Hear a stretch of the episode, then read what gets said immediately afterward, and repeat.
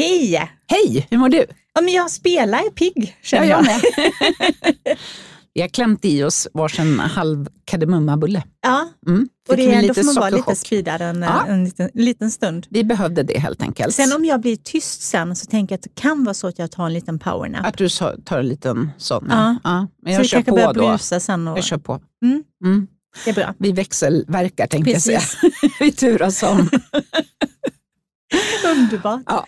Men eh, just det här att man kan känna sig lite trött och grå den här årstiden Mm. kan man ju faktiskt göra på utsidan också, inte bara på insidan. Definitivt. Definitivt. Nästan så att man känner sig lite leverpastejfärgad Mm. och eh, allting flyter ihop Ja, ja, ja. Absolut. Men vilka är dina bästa tips? Ja, men köra syramask någon gång i veckan Mm. och sen BH-toner gillar jag. Men aldrig, jag har aldrig två ex, exfolierande produkter samma kväll. Ja, det är toppen, för då kan man ju trigga huden så att den blir överbehandlad istället. Ja, men precis. Och sen mycket fuktmasker, mycket SOS-krämer. Älskar SOS-krämer. Det Ja. finns hur många bra som helst just nu tycker jag. Och sen eh, C-vitamin på dagen. C-vitaminserum på dagen. Ja, C-vitamin är guld Mm. nu. Och sen gärna trycka in något retinolserum någon kväll också. Ja. Jag gillar ju också att använda, alltså den här årstiden måste jag komplettera med lyster i smink för att Ja. det ska liksom hända någonting. Och vilka är dina favoriter just nu? Ja, men jag, har, jag har nog ganska blandade, men Mm. LH Cosmetics är en sån som liksom ligger kvar, som jag Mm. gillar att bara använda som highlighter. Mm. Men sen är det också att, att eh, jag använder väldigt gärna någon lätt brun utan sol. Ja, För att Jag då vet. får man också så himla mycket ja, men glow av. Det behöver inte vara någon som ger jättemycket, men som ger lite grann färg så att man inte bara smälter ut i bakgrunden. nej. Det, det är faktiskt en produkt som jag glömmer bort. Ja, men det är bara för att du är inte så blek. Jag är ju rätt blek, men jag är inte den blekaste personen kanske ändå. Jag har ju lite...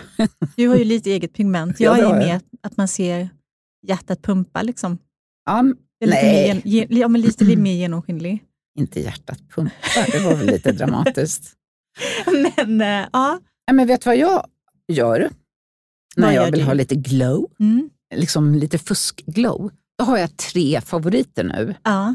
Kommer just nu bara ihåg vad den ena heter, men då, det är svenska märket Bagliora som jag pratat om förut. Ja. De har ju en vitamin glow primer. Alltså, my god. Den har jag inte testat. Den innehåller mango, nu läser jag till papaya, enzym, niacinamid, hyaluronsyra, skvalan, vitamin B, C, E. Det här, det lilla låter ju lite som en dröm. Ja, nu visar jag för Och det var dig. fin, en tub. Ja, liten, liten platt tub som Mm. du lätt kan ha med dig i sminkväskan. Den kan man använda under Mm. sin foundation, eller över, eller blanda i. Och sen vet jag att Mette Picot har en liknande. Ja. Den är lite för mörk för mig. Och även Hiccup har en. ja, Mm. jag måste också fälla in en favorit som jag använt i flera år, som Mm. jag arbetar med precis på samma sätt. Antingen som en highlighter över smink Mm. eller använda under som en primer eller blanda i. Mm. Och Den är från Elemis och heter Superfood Glow Priming Just det. Moisturizer. Just det, den ja. Väldigt långt Mm. namn. Mm. Men den är också en sån favorit Ja. som jag... Fick ni fyra tips på sådana? Ja. Och det känns som att det behövs nu. Vi måste ha lite extra... Ja, definitivt. Mer så glow åt folket. förr. Ja, men du vet när man liksom nöp sig i kinderna Mm. innan... eh, Eller bang, bang, bang. Ja, som i vår bok. Där, Just I vår bok citerade jag en, eh, en gammal bok som jag fick av min moster Gun för många år sedan, jag gick i tonåren. Och den här boken är från vad var det, 20-30-talet någonting va? jag tror jag var 34 eller Ja, någonting något sånt sånt. där Mm. jättefin. Eh, där man skulle slå sig själv rätt hårt. Daska upp färgen lite. Ja. Jag tänker att det tipset skulle kunna hålla en Ja, och få faktiskt. igång lite cirkulation Mm. som Var vaknar lite försiktig med kärlen bara. Ja, gud ja. Inte slå sönder kärlen. Då är. Säkert inte på oss där kärlen lyser igenom, tänker jag. Nej. Nej, men det är, det är jätteroligt. Ja, så härligt. skulle väl läsa hela den boken faktiskt. Ja, Vi kanske ska börja ta lite citat från den då och Ja. då. faktiskt. Kanske ska göra det som lite sån här grej att vi läser upp eh, skönhetstips från den tiden. Bortglömda skönhetstips Ja, det som är näst, nästan 100 år gamla, 90 Ja. år gamla. Shit. Jätteroligt. Ja, det var det. Det var det. Vi ska ju eh, ha Ulrika som gäst här idag. Ja, Ulrika Norberg, kvinnan som tog yogan till Sverige kan vi säga. Så, så coolt. Mm. Och vi kommer prata mycket annat än yoga också. Absolut. Som ayurveda och andning och IBS. Och, Mm. Tystnad, nyfikenhet, allt Ja. möjligt. Mm. Ja, det ska bli väldigt spännande. Ja. Och nu blir det ett litet beauty-svep. Nu vill jag tipsa dig om att eh, göra lite hemmamassage på kroppen. Vi har ju pratat mycket om att man ska massera sitt ansikte, men det finns ju också en hel del man kan göra för att väcka kroppen till liv. Och då kan man ju använda flera olika produkter när man ska göra det. Då finns det bland annat, jag har bland annat två stycken favoriter. Den ena kommer från Justin Florian och heter Recovery Massage Balm som innehåller mentol, kanel, vanilj bland annat, fina oljor, probiotika. Elemis har också en jättefin produkt som kommer i tub och heter Body Performance som har svartvinbärsolja, enbär och örter som timjan bland annat. De här är superfina, lite balmkänsla på dem båda två. De ligger ganska högt i pris. Kerstin Florian kostar 545 kronor för 133 milliliter och Elmis 649 kronor för 150 milliliter. Om du vill köra på en budgetvariant så finns det ju flera andra fina oljor att eh, testa också. Kokosolja brukar fungera utmärkt. Även eh, jojobaolja brukar vara fin. Och eh, avokadoolja är en eh, annan favorit. När du masserar kroppen ska du tänka på att börja på vid kroppens ändar som händer och fötter och arbeta med cirkulerande tag in mot hjärtat. Lycka till!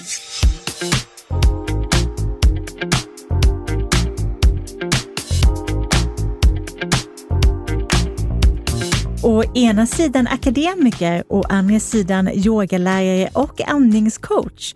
Hon har utbildat hundratals yogalärare och författat runt 20 böcker. Med ett fokus på hälsa, ayurveda, andning och mycket annat spännande. Välkommen till Hudvårdsdjungeln Ulrika Norberg. Tack så mycket. Välkommen Ulrika. Jag försökte fundera igår när jag träffade dig första gången och det var ju på ett, ett gym på Nybrogatan. Ja. Och det måste ju ha varit alltså 16, 17 år sedan kanske. Kan det stämma? ja, det var väl kanske runt 2004, 2005. ja, ja, precis. Mm. Ja, det är en stund sedan. Mm. Nästan 20 år sedan. Ja. Ja. Ja. ja, nästan 20 år sedan. ja, Det är helt otroligt. Och det har hänt mycket sedan dess. Liksom, vad, hur, ser, hur ser det ut för dig idag? Vi vet ju att du skriver böcker, men vad är liksom det du gör mest? Nu berättar du att du kom från en föreläsning. Mm. Ja, jag, alltså jag eh, brukar säga att mitt liv är lite som ett potpurri. Nej, men, eh, jag har ynnesten att få liksom jobba med lite olika saker. Alltså det är samma kanske kärna jag utgår ifrån hela tiden men, men uttrycken kan variera. Det kan bara vara i bokform, att skriva, eh, uttrycka mig på så sätt. Eh, och liksom på något sätt bedriva min nyfikenhet kring relevanta frågor som berör eh, mig och eh, få samarbeta med spännande förlag liksom, som tycker också att det är relevant. Ja. Så, så, att, så att det är väl också, så att en del av mig är väl någon sorts, eh, att jag vill gärna utveckla mig själv och mitt skrivande.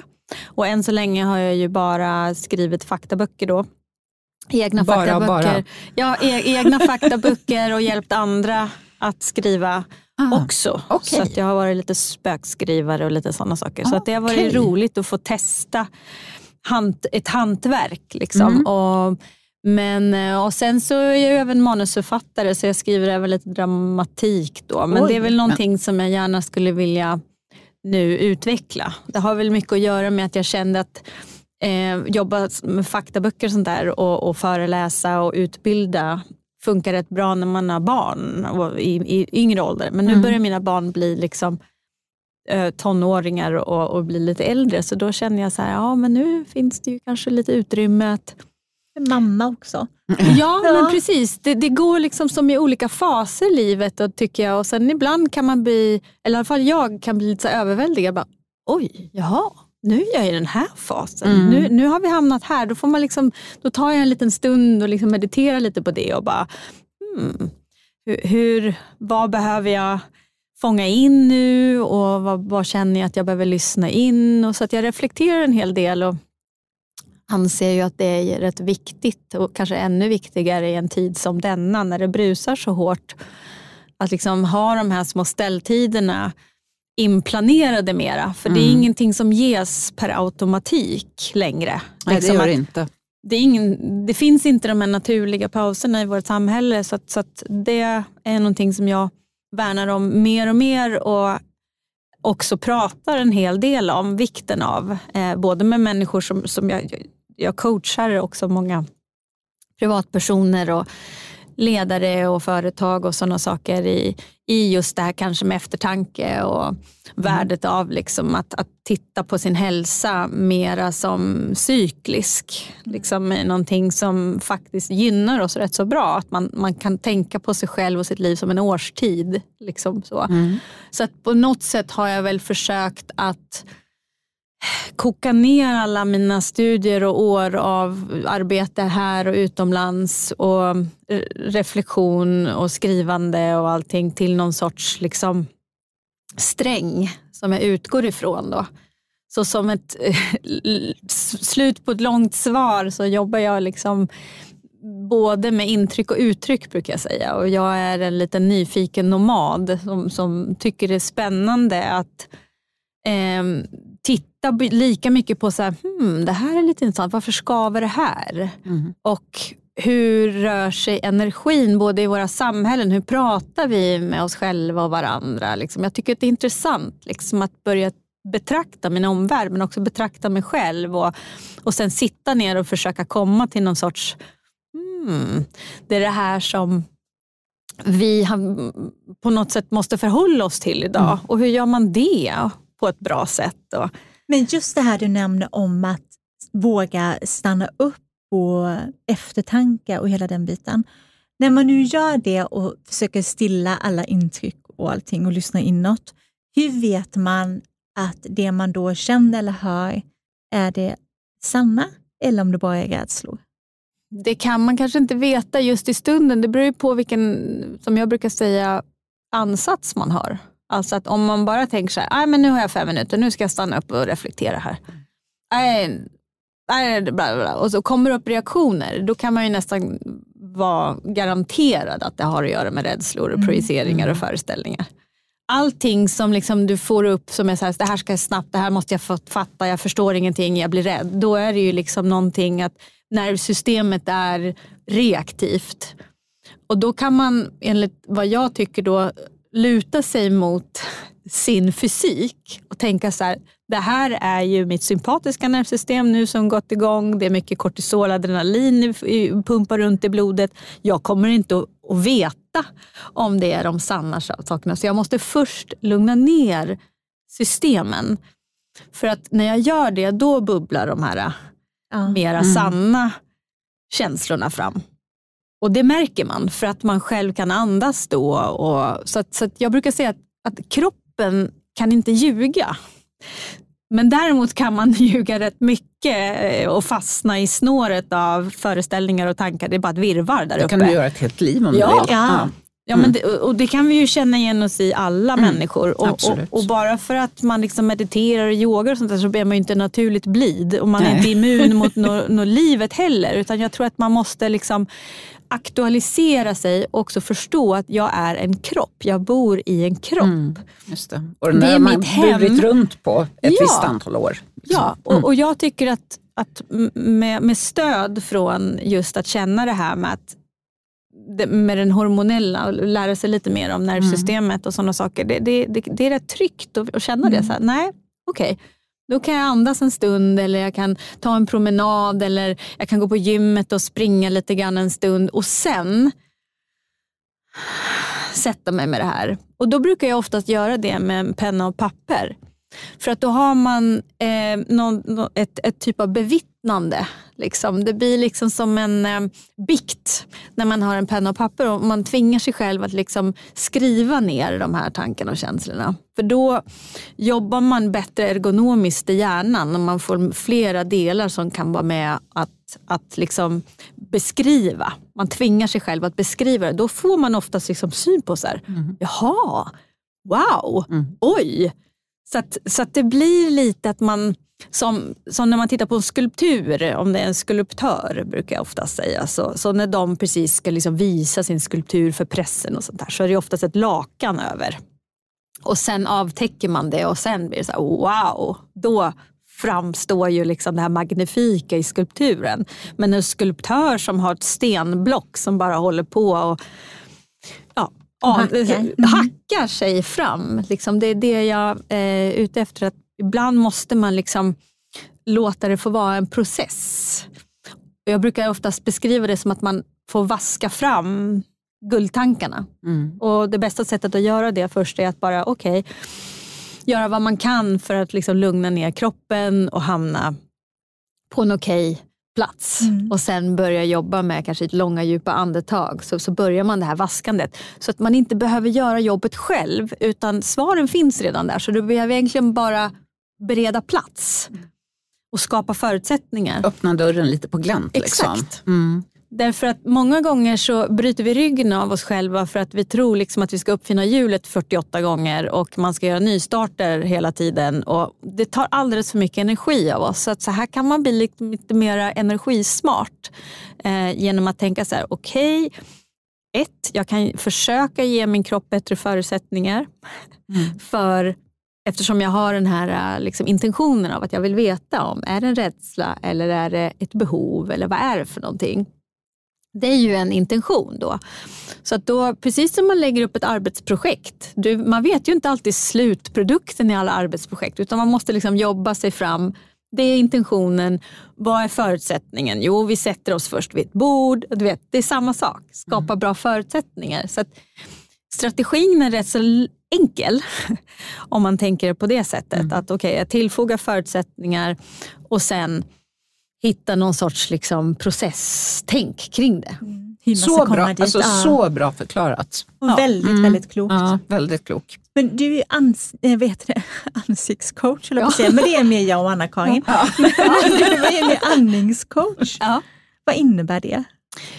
Ja, som, som jag eh, arbetar så hjälper jag ju människor att eh, på något sätt få bättre kontakt med sitt andetag. Dels kan det ju vara att man har unika individuella behov. Det kan vara någon som är astmatiker till exempel som, som vill på något sätt få en bättre funktionsandning. Liksom att, att lära sig hur, hur kan jag relatera till det här? Hur kan jag liksom på något sätt arbeta med min astma eller så. Det kan vara människor som fridykare som vill liksom förädla sin teknik, om det är någonting sånt.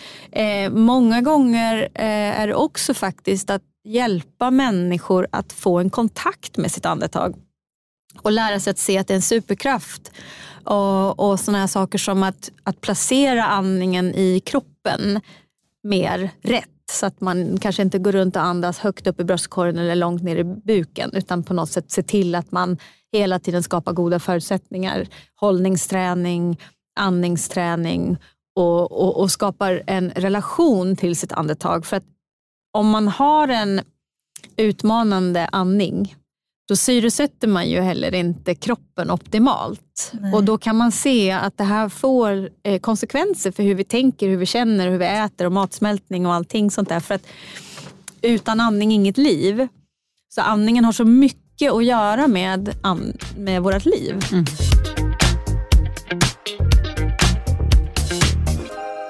Men jag har en fråga till dig. Ja. Ehm, jag sjöng väldigt mycket förr. Mm. Och alla sångpedagoger bankade in i mig att du ska tänka magen som en ballong. Den går ut när du andas in och sen så dras magen ihop när du andas ut.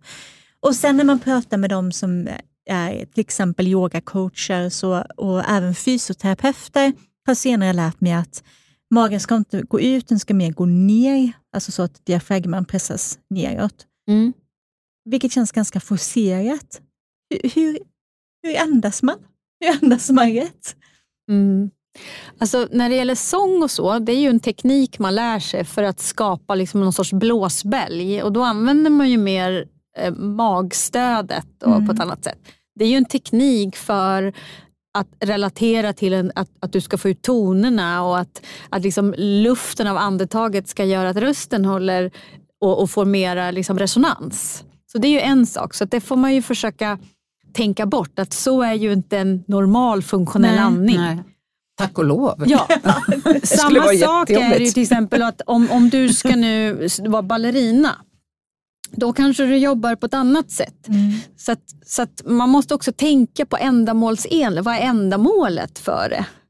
Eh, men som jag, som jag märker liksom i mitt arbete så är det många som tappar bort sig i allt det här. Jaha, hur ska man andas då? Mm. Den säger si och den säger så. Bla, bla, bla, bla, bla. Att man tror att Jaha, det är ett one size fits all. Det finns liksom bara ett sätt att andas på. Men, men då måste man komma ihåg att man kan variera sin andning beroende på vad man har för ändamål. Mm. Men man måste liksom någonstans ta ett grepp över sin funktion som andetaget. Mm. Och där kan det hjälpa lite att känna att andningens primära muskler, det är ju diafragman och de här musklerna som sitter mellan revbenen.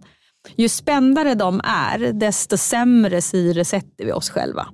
Så vill man liksom jobba mycket på en bra grundandning så gäller det ju att liksom när man andas in att det sväller mest kring mellangärdet. Ja. Och att buken är rätt stilla men att övre delen av magen får röra på sig och liksom runt bröstkorgens mitt. Och är andetaget väldigt högt upp i axlar, ja då är det mer stresshormon som är på gång. För att där. Ja. Och den andra liksom då blir det mer att, att, att för mycket slaggprodukter är kvar i kroppen och då blir man tung. Ja, liksom, och tung i sinnet och tung Ja, ja, i kroppen. svullen. Exakt. Mm. Så man kan ju liksom göra som jag brukar ge mina eh, klienter och kunder lite så att de får göra andningsdagbok. Att man får checka in så här lite på morgonen, så här, okej, ja andetaget och sitta så här, okej, vart någonstans känner jag, om jag tar ett fullt andetag, vart spänner det, vart är det spänt, liksom, så att de får liksom checka in i kroppen. Och så gör de det på lunchen och sen på kvällen. Så får de göra det i två veckor. Och så kan vi träffas och titta så här, ja men nu har vi ju ett tydligt mönster här. Mm. Att i de här situationerna där du har möten, då åker, då åker bröstkorgen, alltså, då åker andningen högt upp. Och varför är det så? Mm. Till exempel. Ja, Ja, det är ju intressant. Ja, och då brukar jag coacha om så här, när du känner att du börjar bli stressad i ett möte, andas när de andra pratar Mm. i mötet. Då kopplar du tillbaka dig själv. så här, Okej, var har jag mitt andetag? Att bara sätta en hand på mellangärdet i ett möte, det är inget konstigt. Det är ju Nej. folk hela tiden. Ja, ja, ja. Liksom. Och då tar man tillbaka liksom, Mm. kraften till sig själv. Och så börjar vi göra det här, då brukar de säga, åh men gud det funkar ju hur bra som helst. Eller så här, ja jag har svårt att somna på kvällen. Och då kan man liksom ge dem tekniker, alltså, ja, men lägg andetaget där, eller kanske lägger upp benen lite grann, räkna andetag, hitta en strategi liksom för det. Och så vips så lär de sig att somna. Det där funkar ju superbra tycker Exakt. jag. Mm. Det är ju Men ett jag riktigt tänker bra också trick. säkert många som sitter eller som lyssnar som är ungefär som mig och Anna-Karin, att man tänker på sin andning jättemycket. När vi sitter och lyssnar på dig. Ja. Men om de till exempel eh, sitter på bussen eller ute och tar en promenad, kan jag Mm. tänka mig, om de kanske lyssnar på oss. Vad ska de tänka på i sin vanliga andning? Som kanske inte är vare sig astma, sång eller ballett, utan mer den här vardagliga. Har du några kloka tips där? Ja, men till exempel när man är ute och går med hunden, om man har en hund, eller om man tar en promenad till och från jobbet. Att, att kanske bjuda in andetaget liksom lite mera i sina steg. Det här med till exempel att ha en inandning går tre steg, en utandning går tre steg, en inandning går tre steg. Det är ett rätt så skönt Mm. sätt liksom att du vet, istället för att bara, "Åh, gud, jag bara, du vet, Ja. man, man hamnar upp i huvudet så kan man lägga fokuset på andetaget. För då får man två flugor i en smäll. Dels så ökar man fokus, man ökar koncentration, man sänker stresshormon och man får bättre andning. Det tycker jag är så skönt när man går i skogen och Ja. gör någonting sånt. För då blir det liksom både meditation från Mm. skogen och liksom även inifrån Ja. på något sätt. Det är så otroligt och, och härligt. när man går liksom i skogen och vandrar eller när man tar det, då Mm. behöver man ju inte gå och andas på det sättet hela tiden. nej, nej, det blir Utan- ju forcerat också. Ja, Mm. Kanske när man känner att okej okay, nu vart det liksom, oh, nu åkte pulsen upp. Mm. Ja, men då kan man Precis. Liksom dri driva spinna, på liksom. andetaget. Mm. Precis, när pulsen ökar och man går upp för till exempel, då kan man ta lite större och djupare andetag och mm. tänka så här, men nu tankar jag bensin för stegen liksom, mm. och syresätter musklerna. Ja. Så att man hela tiden tänker att andetaget är som en sufflös som får vara där hela tiden, liksom som på teatern och bara, mm, just det, mm, mm. Ja, liksom så hela tiden. Som är liksom stämgaffeln hela tiden som är liksom dirigenten mm. brukar jag säga. Eh, man tar in det liksom lite mer i vardagen. Eller när man står och lagar mat till exempel. Att man liksom låter andetaget få vara med för att lukta, för att få in. Eh, det är ju rätt mysigt att laga mat om man tänker att många idag tycker så här, gud vad jobbigt, ska man laga mat idag igen? Och gud vad tråkigt. Ja. Men om man vänder på det istället, så här, lukta på det. Det är mm. fantastiska dofter som kan komma matlagning. Leva lite i nuet. Liksom. Ja, och mm. gör man det, andas man samtidigt som man lagar mat, så sänker man också stresshormon och då stärker man det enteriska nervsystemet som har mycket att göra med matsmältning. Så man kan påverka också salivering och man kan lägga liksom en liten förlaga liksom till, till måltiden för att hjälpa matspjälkningen också. Bara mm. det här med att lukta på maten. Och, för när vi luktar så andas vi ju in. Precis. Mm. Det är smart. Och sen mm och så gör man det där. Det är rätt trevligt faktiskt. Och att man kan göra det som familj brukar jag rekommendera. Om man mm. har små barn till exempel, att man, man liksom, du vet, får, får sätta ja. näsan över grytorna och lukta så här. Och så kan man ha gissningsleken liksom. med barnen. Mm. Så här och så lär man dem andas samtidigt. Mm. Så det är en bra fint. Så, så bara, vad luktar det? Så här, bara, mm, kanske morötter eller chili. Mm. Liksom, så att, Just det, det triggar igång. Ja, och då mm. blir det att det stänker stresshormonen på matbordet, det främjar matsmältningen. Så det är lite så här småfintar som är men när vi pratar nu lite om matsmältning så pratade vi träffades på ett litet event för några månader sedan och då pratade vi lite om någonting som du lever eller har levt med mycket och det är ju IBS. Mm.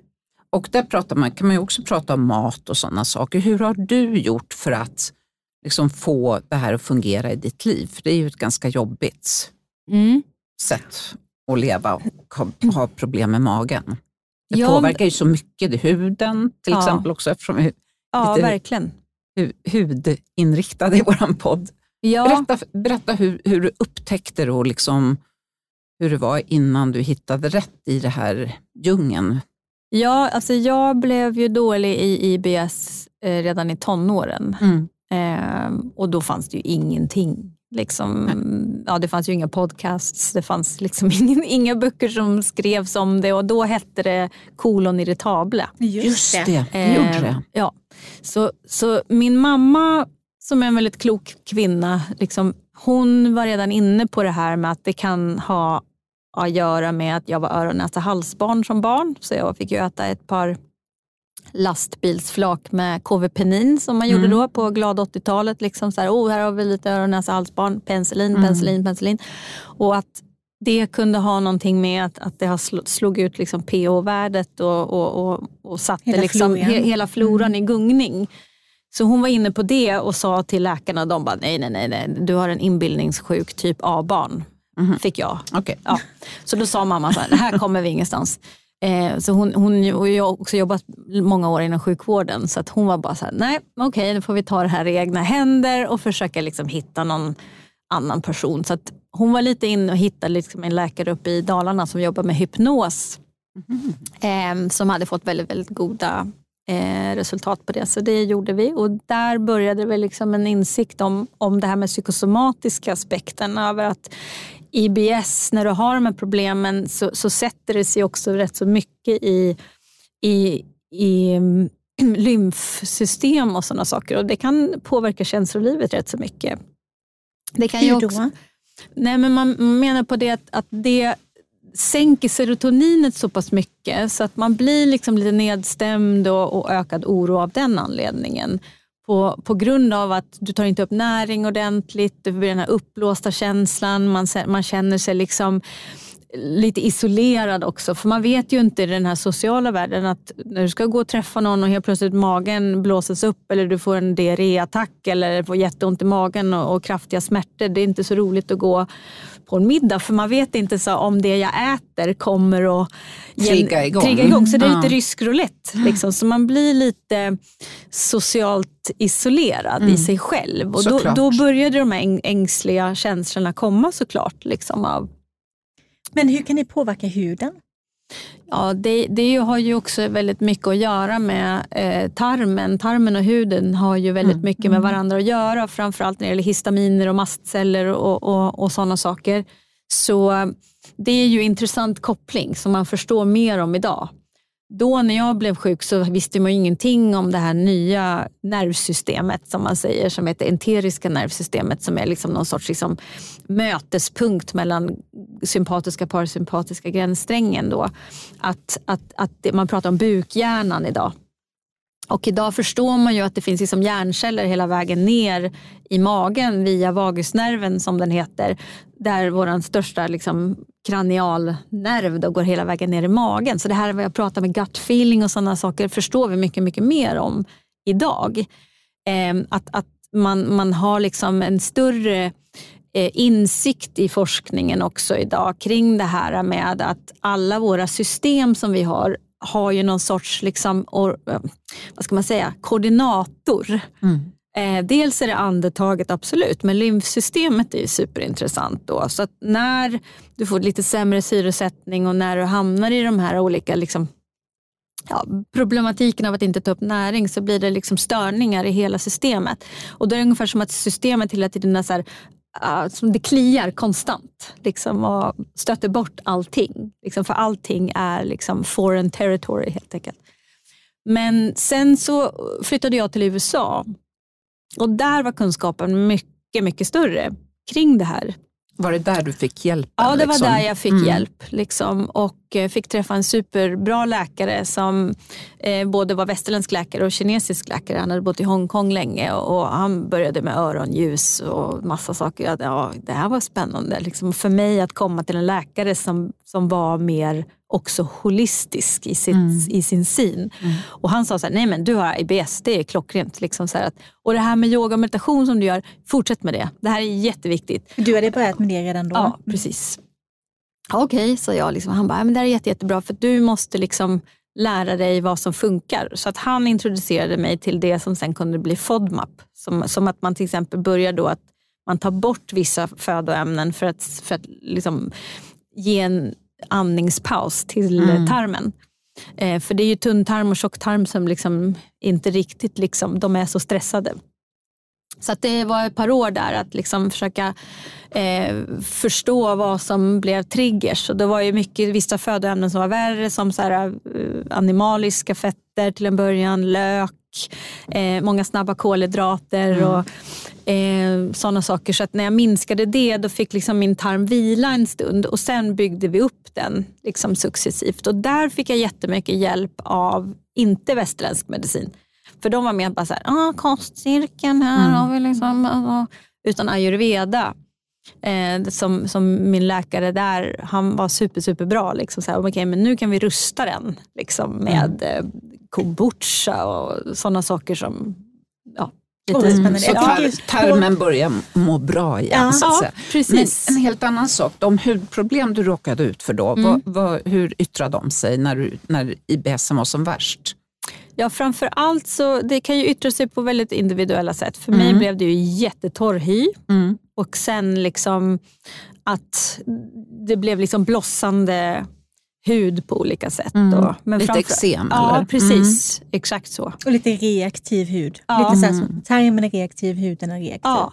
För det, det är ju så, när jag hade, du vet ju, när jag hade akacia i alla, alla år, det var ju liksom över 20 år, då var det ju väldigt många gånger eh, kunderna hade IBS. Mm och en, en problematisk hud. Mm. Men det kunde ju också lika gärna vara akne. Mm. Det kunde också lika gärna vara rosatia. Alltså det tar sig så olika uttryck mm. på olika personer. Eh, men det är ju verkligen ofta så att, både att, det behöver inte vara IBS, men det kan vara glutenintolerans, det kan vara sådana saker, gör ju att huden blir orolig. Så mm. det är ju verkligen så. Men när du fick hjälp med, med IBS så blev huden bra också, eller bättre? Ja, och jag skulle säga när det gäller min hud så var det nog den grejen som gjorde mest skillnad var ju att jag lärde mig att liksom hantera återhämtning och avspänning. Å mm. ena sidan liksom att hjälpa mitt nervsystem liksom, och stärka upp det parasympatiska nervsystemet. Det räckte inte riktigt med meditation och andning utan behövde liksom involvera mera kroppen och mm. röra på eh, röra på mig på olika sätt. Eh, samt även inom ayurveda så pratar man om mattakt väldigt mycket. Och det där var ett eko för mig, för, för min mamma är väldigt intresserad av mat och, och var väldigt mycket så från jord till bord. Och mm. Man fick liksom, hade den här kostcirkeln hemma. Hon bara, alla måste ha minst fyra färger på tallriken. Och liksom, så. Mm. Hon är absolut ingen matfascist så Nej. alls, utan mer det här med att mat är energi. Mm. och eh, Ät allsidigt. Ja. Allt allsidigt mm. och, och sådana saker. Och hon var väldigt mån om det här med att man alltid la ner besticken och mattakt. Och där glömde jag väl bort där i tonåren också när man ska gå i skolan och man ska äta snabbt, liksom, vilket mm. är hemskt egentligen. Ja. Eh, men så då började liksom jag återinföra det här med att man tuggar lite mer långsamt och äter mer regelbundet och, och det hjälpte mig jättemycket. Oh, så det var liksom flera insatser skulle jag vilja säga. Mm. Sen det här med huden också, att, att börja förstå att det här med också lite vitaminer och, och, mineraler kan, kan hjälpa till liksom, att få en liten, liten skjuts. Det är inte hela alltihopa. Så jag Nej. tror att det är, en, det är en flerstegsraket att titta mera hel, helhetsmässigt Vad på det. Vad tillsatte du då? Nej, men mera tänka också i kosten, mer magnesium och zink mm. och, och, och, kalcium och D-vitamin. Mm. Liksom sådana mm. saker som, som oftast man kissar ut då när Precis. tarmen är alldeles för stressad. Irriterad. Ja. ja. Mm. Så börja bygga upp och rusta eh, mm. tarmen. Ja.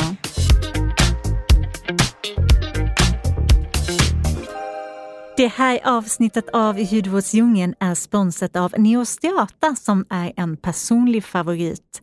Både jag och Anna-Karin är väldigt förtjusta i serumet 15% vitamin C och PHA som har flera fina egenskaper mot bland annat pigmenteringar. Det är en produkt som jag tycker att alla borde ha hemma.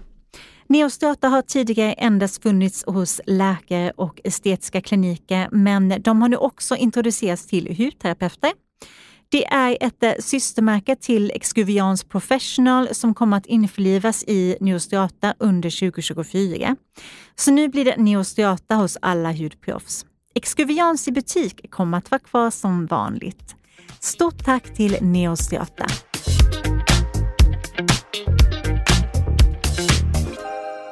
Men det här med ayurveda, det är ju en lära som har funnits i flera tusen år. Mm. Varför tror du att den inte riktigt har slagit i Sverige? För det känns som att den har liksom trendat, men inte riktigt, riktigt liksom kommit igång under flera tillfällen de senaste 30 åren.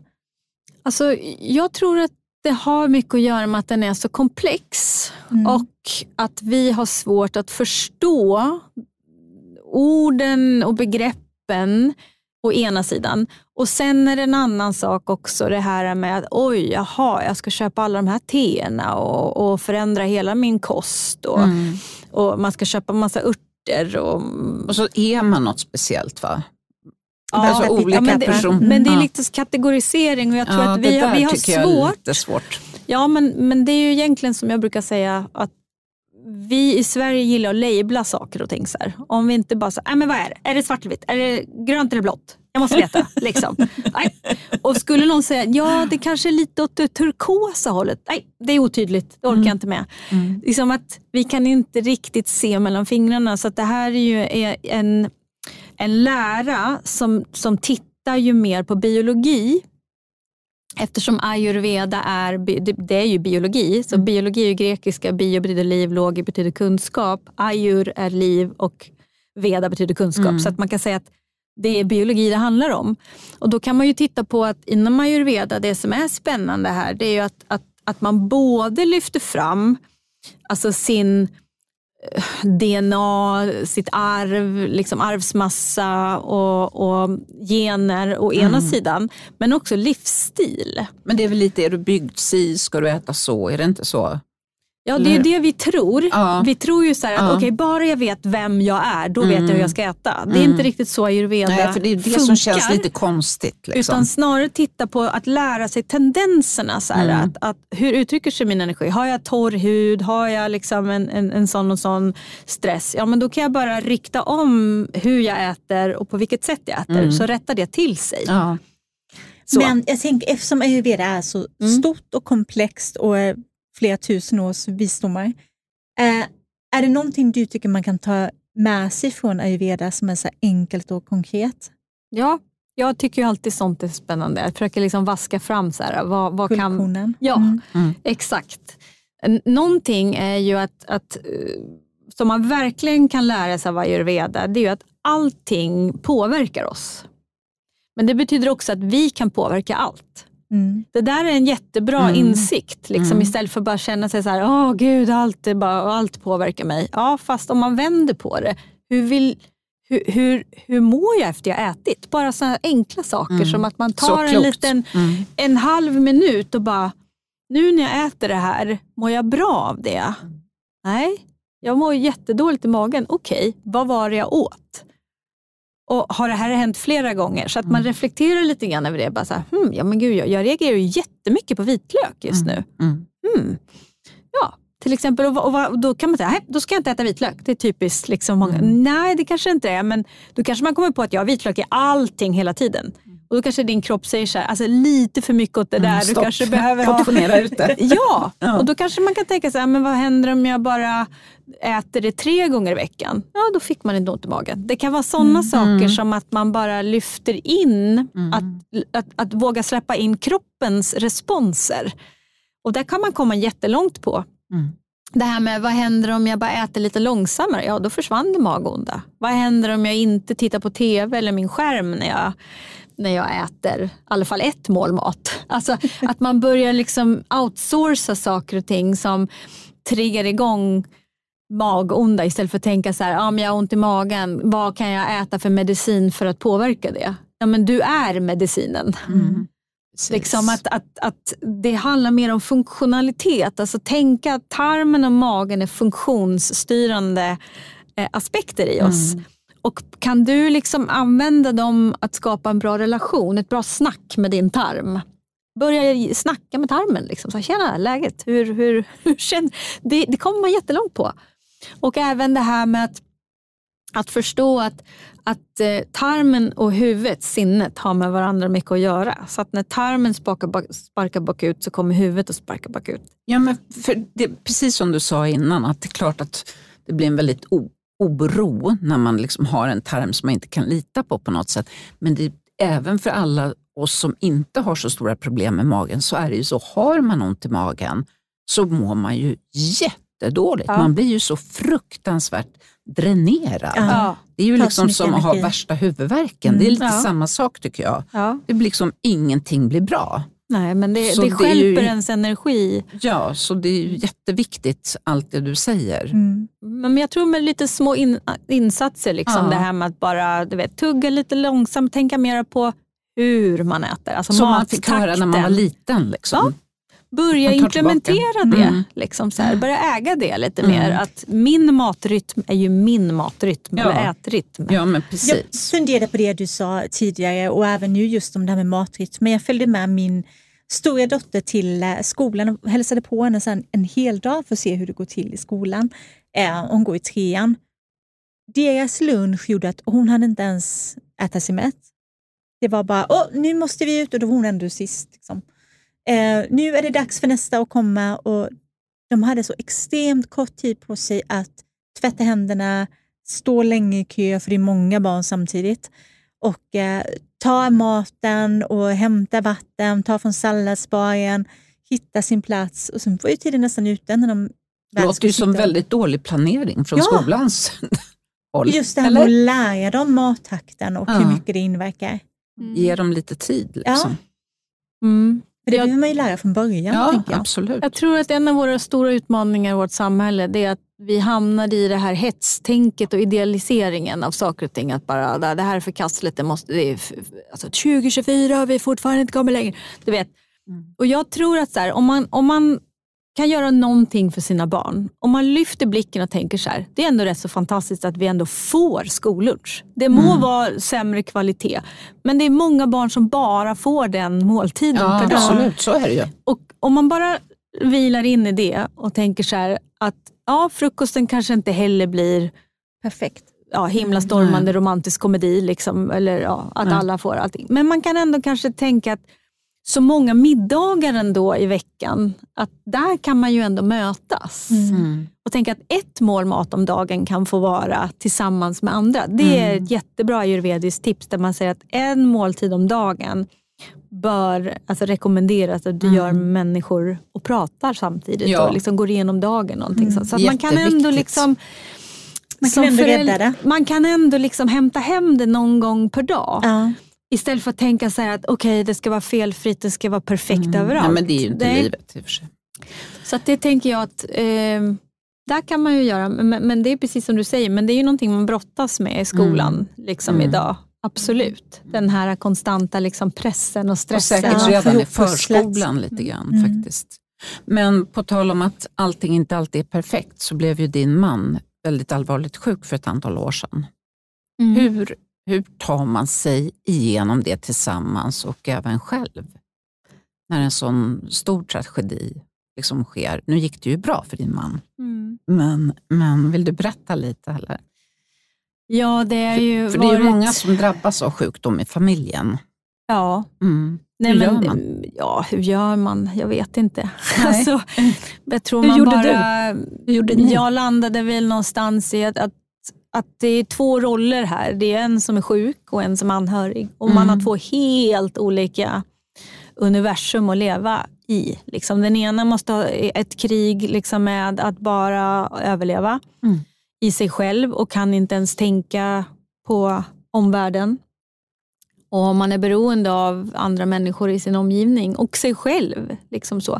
Nu var jag ju inte konstant sjuk under alla de här 16 åren utan det var ju liksom 30 operationer på 60 år och, eller på 16 år. Och. Ja, varav en levertransplantation och, och, och många sådana liv och död grejer Mm. och höll på att dö några gånger. Och, och, och då blir det ju liksom att man hamnar i, ett, i en beredskap i alla fall jag, Mm. under många år som jag har varit liksom tvungen att bara hantera på något sätt. Liksom. Och bara känna så här att okej, nu, nu har vi en liten ljusglimt här, då får vi liksom okej, okay, värna om glädjen eller sådana saker. Så varje enda ljuspunkt har blivit så viktig att liksom, du vet, ta tag i och bara nu gör vi någonting av det här. Och, och, och, det finns också positiva saker i det. att få syn på att rensa ut saker och ting som inte har så mycket betydelse, som, som tar mycket energi. Så det är ju det positiva. Att bli bättre på att selektera. Eh, och Det tror jag har hjälpt våra barn väldigt mycket och även också att vi hela tiden har varit transparenta och pratat om och, och gett utrymme för känslor och sådana saker. I alla fall jag och barnen. Liksom. Både att jag har fått bryta ihop ibland liksom, och de har sett mig ledsen och jag tänker så här, men jag, jag, tänker, jag, kan, inte, jag kan inte hålla det här. Det går kan inte liksom låtsas, Jag liksom. kan inte gå runt och låtsas. Nej. Plus att vad lär jag dem då? Att, att man ska vara stoisk och bara byta. Nej, jag tycker inte att det är inga verkliga människor. Liksom. Jag vill Och sen rusta mina känner barn. ju barn vad Ja. man känner. De Ja. känner ju vad du känner. Ja. Liksom. Så, att är väl jag, så, så att det har varit väldigt positivt också Mm. tycker jag. Eh, mina, mina barn har ju liksom lärt sig vad känslor är och, och, och kommunicera på ett bra sätt. Och, Mm. och, så att det finns ju liksom... I, sen är det ju svårt också, liksom när man, när man, var, var är man? Liksom, och vad är en relation? Liksom att det är å ena Mm. Ja, är sidan är man en familj och, och, and, och, och sen är man individer och sen så ska man ha någon sorts... Liksom, den är inte helt enkelt. Ja, och sen så, så, så ska man ju liksom på något sätt ha, det är ju den mannen, eller det kan ju också vara en kvinna, eller, som man lever med som är svårt sjuk. Eh, alltså det är ju inte lätt med ett förhållande då heller. Nej. Det är ju liksom bara att försöka hålla varandra under armarna antar jag. Ja, man kan ju aldrig ha garantier för någonting i Nej. livet egentligen. Men, men eh, vi är ju fortfarande liksom bästa vänner och, och familj. Liksom. Ja. Så får man väl ta ett steg i taget tänker jag. Och man vet aldrig riktigt var man landar. Nej. Men Eh, fantastiskt ändå att ni gick igenom hela den här resan och att det blev så bra. Ja. Ja, han- jag är man otroligt tacksam över eh, faktiskt våran sjukvård. Ja, det förstår jag. Mm. Eh, när det gäller avancerad sjukvård så är det fantastiskt. Då är de på tå, ja. Mm. Ibland får man ju liksom vara ex- extremt tacksam för att det finns människor Mm. som, som, som eh, gör de här sakerna. Även om det är ju att han måste ju leva med de här medicinerna livet ut. Liksom, så. Ja, för när man får ett organ transplanterat då äter man Immunhämmande ja, medicin. immunhämmande. Just det, Mm, precis. för att du måste liksom dämpa immunförsvaret ja, eh, till en viss nivå så att inte kroppen börjar liksom stöta bort eh, det. det. här eh, organet. foreign Ja, precis. Ja. Såklart. Mm. Så att, eh, och, och, och då blir det ju att de, det är starka mediciner så att då, då finns ju alltid risken för att njurarna ehm, ja, så man får gå på koller hela Ja. tiden. och Så, där. så man lever ju ändå hela tiden med en, en risk att det kan hända igen. Att sjukdomen som, som man kan blossa upp igen. Att, Mm. att det, kan, det finns ju många som har haft den sjukdomen som man hade som heter PSI. Det som skleros, det är som MS kan man säga, gallvägarna. Ja, okej. Eh, gallvägarna drar ihop sig liksom och, startar, ja, du kan liksom inte gallvätskan eh, åka upp och ner. Så att Mm. liksom det blir som depåer som skapar sepsis, då, blodförgiftning. Oj. Shit. Ja. Så att det är ju en allvarlig sjukdom och den kan komma tillbaka. Så att det är många med sjukdomen som kanske är inne på sin fjärde lever. Liksom. Oj. Så att det är ju en risk. Ja. Så då, då är ju liksom en, en, en viss del i det här är bara lära sig att leva hela tiden med liksom en beredskap. Mm. Och med det sagt så får man försöka liksom göra, ja, vara så öppen som möjligt. Då. Mm. Ta vara på dagen. Liksom. Ja, Och, Och försöka vara i nuet, Ja. tänker jag också. ja, precis. ja, och ibland kanske liksom faktiskt tillåta sig själv att det är okej att Att vara ledsen. bryta ihop. Ja, Mm. Ja. det är jätteviktigt. Ja, jag tänker många gånger på Astrid Lindgren eh, och många av de intervjuerna, eller de få intervjuerna hon gav, så, så är det ett samtal liksom som alltid har satt sig i mig. Och Det var när hon pratade mycket om hennes relation till hennes syster. Och att de pratade i telefon varenda Ja. dag. ja, det är så bra. Och började alltid med döden, döden. Ja. Och sen så hade de fem, tio minuter när de bara, liksom, du vet, bara kräktes ur allt. Liksom så, och stöttade varandra i det och bröt ihop. Liksom. Och sen började man skratta och göra Mm. andra. Och jag tycker det är en, det, det tar udden av det här med att gå runt i livet och tro att liksom det är hela tiden en jakt på att bli perfekt. Vi är redan perfekta. Alltså vi är ju redan vid liv. Och jag, liksom egentligen så kan vi hylla livet mer med att, att få vara människor först och stötta varandra i det. Jag tror vi skulle ha ett helt annat samhälle då. Du är så otroligt klok Ulrika. Ja, Det är- Eller hur? Ja, minst sagt.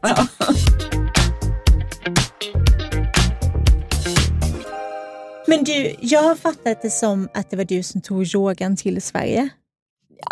Jag vet inte, det, vi var nog några stycken men jag var väl en av dem, En av dem som gick i, som pionjärerna blev det ju liksom kanske. Och, Finns det någon forskning som visar på yogans eventuella fördelar för huden?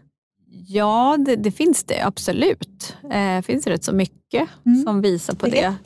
Jättespännande. Ehm, framför allt så har det kanske att göra med om man tittar på rörelser.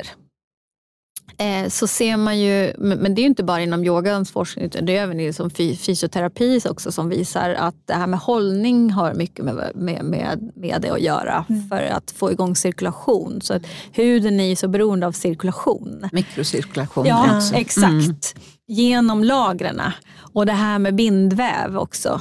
Att har man mycket spänningsmönster liksom, så trycks ju kotpelarna oftast Mm. ihop och så får man liksom en begränsad hållning. Så kan du liksom jobba mycket på att stärka upp ryggraden och få en bättre hållning. Då får man ju mycket via de här yogapositionerna som är så varierade. Av att liksom du går framåt och bakåt och sida och sida, rotation upp och ner. Mm. Och liksom att du tittar åt ett håll och lyfter en arm. Så att du jobbar så variations betingat att du får arbeta med ett större register av kroppen. Och Då blir det ju att syresättningen sprids ut mer över större områden. Och det här gagnar ju både organen och det gagnar ju liksom även celler och hela den biten. och välbefinnandet. Välbefinnandet, mm. precis. Att du får upp med syret i hjärnan, du får ut mer i kapillärerna och då blir det ju som att liksom, du forslar ut mycket slaggprodukter och avlastar organen på det sättet. Att, och det gör ju att huden blir mycket bättre. Och det är många som märker det, att när man väl börjar yoga mer regelbundet. Att bara oj, mm. gud, jag är mindre torr i hyn och jag har ögonen tycker jag ögonen, också. Precis. Ja. Eh, så eftersom att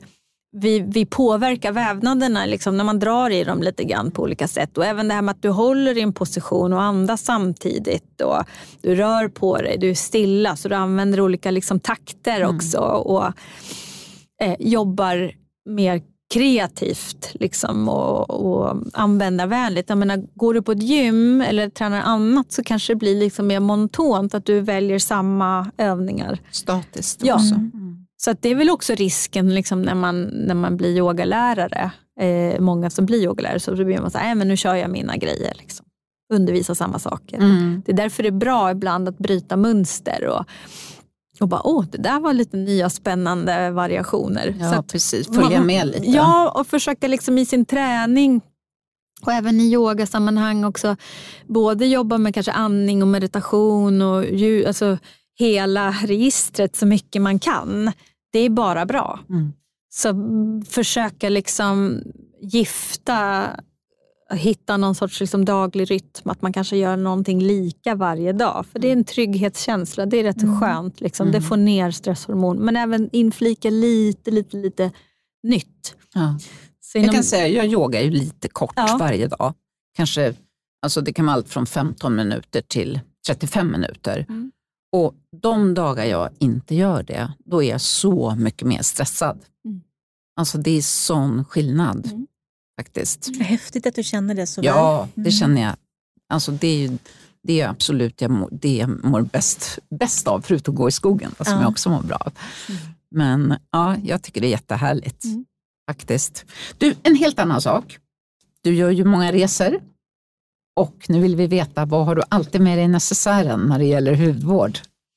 Eller smink. ja. mm. Jag har alltid med mig ett serum för jag gillar serum. Mm. Eh, jag har typ eh, några stycken. Men, men, för mig är det också mycket det här med att ha någon, jag brukar oftast lägga ner en liten fuktmask. Jag brukar ta det som en liten lyx när jag väl åker någonstans. Liksom. Och, ja, men du vet, man är själv och så tar man en liten fuktmask. Kanske bra. gör det en gång i månaden eller någonting sånt där, men kanske borde göra det oftare. Men en bra dagkräm, en bra nattkräm, en ögonkräm, eh, tandkräm, tandborste, eh, borste. Ja, det är väl typ det. Och Sen har jag väl alltid med mig en mascara och någon sorts, liksom, och vad heter de där, illuminating, någon, någon liten ja, sån. Um, ja, highlighter. Ja, eller, en sån tycker jag. Jag har det mer än, än en foundation. Mm. Mm. Jag trivs bra med det mm. på något sätt. Ja, man hittar ju sitt ja, som typ, man trivs bäst typ med. Det. Ja. Men du, helt mm. annan sak. Framtiden, vad mm. tror du? Med allt som strömmar emot oss med sociala medier och allting sånt. Hur ska vi liksom värja oss utan att bli helt snurriga? mm, jag tror det är helt omöjligt att värja sig mot eh, stormen. Det har ju visat sig genom historien att liksom flödet kommer alltid att strömma mm. vad det nu än är. Utan jag tror det är snarare om hur vi väljer att förhålla oss till saker och ting. Och, och att vi kanske mer än var, mer än någonsin måste börja tänka på så här, att hitta så här, hur förhåller jag mig till energi? Vad tar energi av mig? Eh, vad låter jag få äga mina andetag och, och, och, mina tankar? Alltså på något sätt att vem har ägandeskapet av mina tankar? Jag tror det är jätte, jätteviktigt i en framtid. Alltså, behovet just nu märker man ju mer av att människor har... Alltså vi lever i en uppmärksamhetsekonomi. Vi har gått ifrån en informationsekonomi till en uppmärksamhetsekonomi. För att vi lever idag ett samhälle, i samhällen med enormt mycket information. Alltså det är så mycket information som bara strömmar in, men vi kan inte ta till oss det. Så att vi vi sväljer ju nästan och drunknar i information men vi är svältfödda på visdom och insikt. Och Det där är lite intressant för att forskning visar ju idag så tydligt att vi har aldrig vetat så mycket som vi vet idag. Vi kan massvis med saker men vi använder nästan ingenting av det vi lär oss. Det är ju helt sjukt. Det är helt otroligt. Vi frossar i märkligt. podcast, vi lyssnar på kurser, vi Ja. utbildar oss, vi liksom gör tusen saker. Men vi har aldrig varit så dåliga på att processa saker och ting och lära oss någonting. Alltså på djupet, på riktigt. Och liksom. implementera det i vårt liv. Utan det är bara liksom någon sorts konsumtion. Vi konsumerar bara en, eh, energi. Och, och det är ju inte så konstigt då att vi känner oss väldigt oroliga och rastlösa och ängsliga. När vi aldrig, liksom, vi bara stoppar in massa saker. Jag brukar oftast beskriva det som att tänk om du sitter och äter ett smörgåsbord hela tiden. Du bara äter och äter och äter och äter och äter och äter och, äter, och du får aldrig kissa och bajsa. Nej. Alltså, alla skulle ju må skitdåligt då. Mm. Det är ju där vi är. Mm, mm. Och så är man förstoppad och, och har urinvägsinfektioner och, och Mm. sådana saker. Alltså det är samma sak, att vi är så fulla att vi, vi, vi, vi måste också liksom försöka tänka på så här, vad har jag för outlets. Liksom. Mm. Så att några saker som kommer så tydligt i det här med neuroestetik nu, att man tittar på en ny typ av forskning där det är värde av att jobba abstrakt till exempel. Att jobba planlöst, att inte ha så här, vad är vinsten av det här? Utan, utan att sitta med doodling och du, du jobbar liksom med att rita och sitta och titta på bilder och gå på museer och, och försöka liksom jobba mer abstrakt med saker. Det är inte så konkret. Det är ju jätteviktigt idag och man ser att det är jätteläkande för mental Mm. ohälsa bland annat och för stress. Så det är intressant att det har börjat komma tillbaka. För det har ju vi sett som icke-produktivt förut. Nej. Varför ska jag sitta och titta på en tavla en timme? Helt waste of time när jag kan lyssna på 14 podcasts och laga mat samtidigt som jag har ett möte. Mm. Alltså det, det är där, så att, så att försöka bryta, bryta upp det där och försöka titta på värden på ett annat sätt. Mm. Det- Också gå tillbaka lite, liksom. Ja. gå, gå Ja. på museum så där som man själv, jag gjorde med mina barn när de var små, att man verkligen gör de här grejerna. Det är ju Ja, och jobba mer taktilt med precis. händerna. Ja, liksom precis. trädgårdsarbete, och- ja. sticka, Mm. måla, baka. Vi ser ju liksom att just nu på TikTok så är det ju bara en ocean av liksom så här, vad, vad heter det, så här bake talk eller vad Ja, det heter. det. Att ungar idag Mm. blir så här superkul att göra nya eh, ja, chocolate chip cookies with a Mm. twist. Liksom. Mm. Jag har ju min son, han är 14 snart. Och han och hans kompisar älskar hemkunskap just nu. Och, Mm. och, och jag kom hem här för någon månad sedan och då stod det massor med stora skor i hallen. Liksom, och, och fyra stora liksom, brö, brölande små tonåringar. Och bara, Hej, vad gör ni? Ja, vi bakar hallongrottor med en twist. Jag bara, okej. Så man märker Underbart. att de yngre barnen, eh, ja, man börjar prata om, om de här sakerna. Så Back att det to fin- basic, Ja, men det liksom. finns liksom lite Mm. spännande nya trender Mm. som händer också Mm. i de virala miljöerna Ja. som boostar de här sakerna. Eh, så att det finns väl något litet hopp. Liksom. Mm. Det är ju Det jättehärligt att höra. väldigt hoppingivande tycker Ja, jag. och sen också att många människor, liksom, fler och fler människor väljer vandring nu mer än Mm. att åka utomlands. Ja, Liksom. Så precis. en av fyra svenskar nu faktiskt väljer mer att stanna eh, nära och åka på vandringsresor istället för Det liksom, tror jag var mycket corona som fick Ja, folk att upptäcka verkligen. det här. De som inte var vana att gå i skogen innan fick lära sig Precis. att det faktiskt var härligt. Ja, därför Mm. att liksom naturen är någon sorts organiskt. Det är inte artificiellt. Det är inte som jag brukar säga, så att, att det är inte man-made. Alltså det är inte gjort av människan. Nej. Och därför kan vi gå dit och ladda våra batterier. Mm. Liksom. För det är där vi kan få vara människor och det är där vi kan ladda våra batterier. Vi har jättesvårt att ladda våra batterier i en iPad. Utan det tar ju energi. Så då får man försöka tänka energiekonomi. Så här, Okej, vart, ska- vart har jag min bensinmack? Liksom. Ja, Mm. tänka sig lite som en bil. Mm. Liksom, Mm. Och tänka så här, okej nu har jag gasat väldigt mycket. Kanske jag måste hitta bromsen och växlingsspaken. Och så måste jag liksom, du vet, pumpa däcken lite grann. Och, Mm. jag, för mig är det kanske, för mig är det, jag tänker så. så här, jag är en litet fordon. Mm. Ja, det är liksom inte konstigare än så. Nej. Och då måste jag tillföra saker och ting om jag ska förvänta mig att kunna leverera. Sova, Och Det är ju också nästa stora, förutom den neuroestetiken, så är ju sömnstudier en jättestor puck här. För man förutspår ju att det här kommer bli nästa stora epidemi. Det är liksom sömnlösheten som mm. Man pratar jättemycket om just nu i WHO till exempel. Att det är ju otroligt många människor i västvärlden som har sömnproblem. Det är ja. fler människor som har svårsömn än funktionellt. Och det är ju återigen ayurveda intressant. För att där menar man ju på att om du ska ta tempen på en god hälsa, det, då ska du titta på hur folk sover. Om en människa sover bra, då har du en väldigt bra funktionell hälsa. Sover mm. du dåligt har du en dålig hälsa. Det spelar ingen roll hur du äter och hur du tränar om du inte kan sova bra. För att det är i sömnen som, som sätter tonen på homeostas. Och Det är lite intressant att vi tänker ju mycket idag så här, vad kan jag göra för att förbättra min sömn? Men om vi vänder på det istället, så här, vad kan din sömn göra för din hälsa? Så om vi prioriterar att vad kan jag göra liksom för, att min, för att jag ska kunna sova bra? Mm. Så kommer vi att casha ut massor med, med kapital. Så det är lite intressant att man börjar idag titta på hmm, de här sakerna som vi outsourcat och tagit för givet. Så, äh, men jag ska bara sova sen. Liksom, sömn är bara, äh, mm. jag klarar mig på fyra, fem timmar. Liksom. Ja, att vi har glorifierat det här med att bara, äh, jag klarar mig på fyra, fem timmar. Mm. Jag behöver knappt sova liksom, för jag är så jävla mm. produktiv. Oh, guldstjärna av, liksom, på något ja, sätt. Då blir man utbränd tyvärr. Ja. Ja, Ja. Och det är inte längre liksom någon statussymbol. Så, att, så, så det har ju förflyttat sig mycket, de här gränsvärdena för vad som är status idag. Tack och lov. Ja, ja men verkligen. Ja. Tack snälla, snälla Ulrika för att du kom hit idag. Ja, vi skulle kunna prata hur länge som ja. helst. Nu har vi pratat i en timme och fem minuter. Oj. Ja, så, så underbart. Tack, tack snälla för att jag får komma. Ja, tack.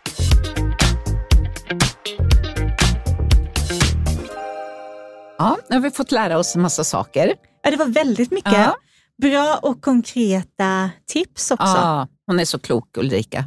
Väldigt, väldigt kul. Mm. Tusen tack för att ni har lyssnat. Verkligen, sköt om dig. Ha det bra, hej. Hej då.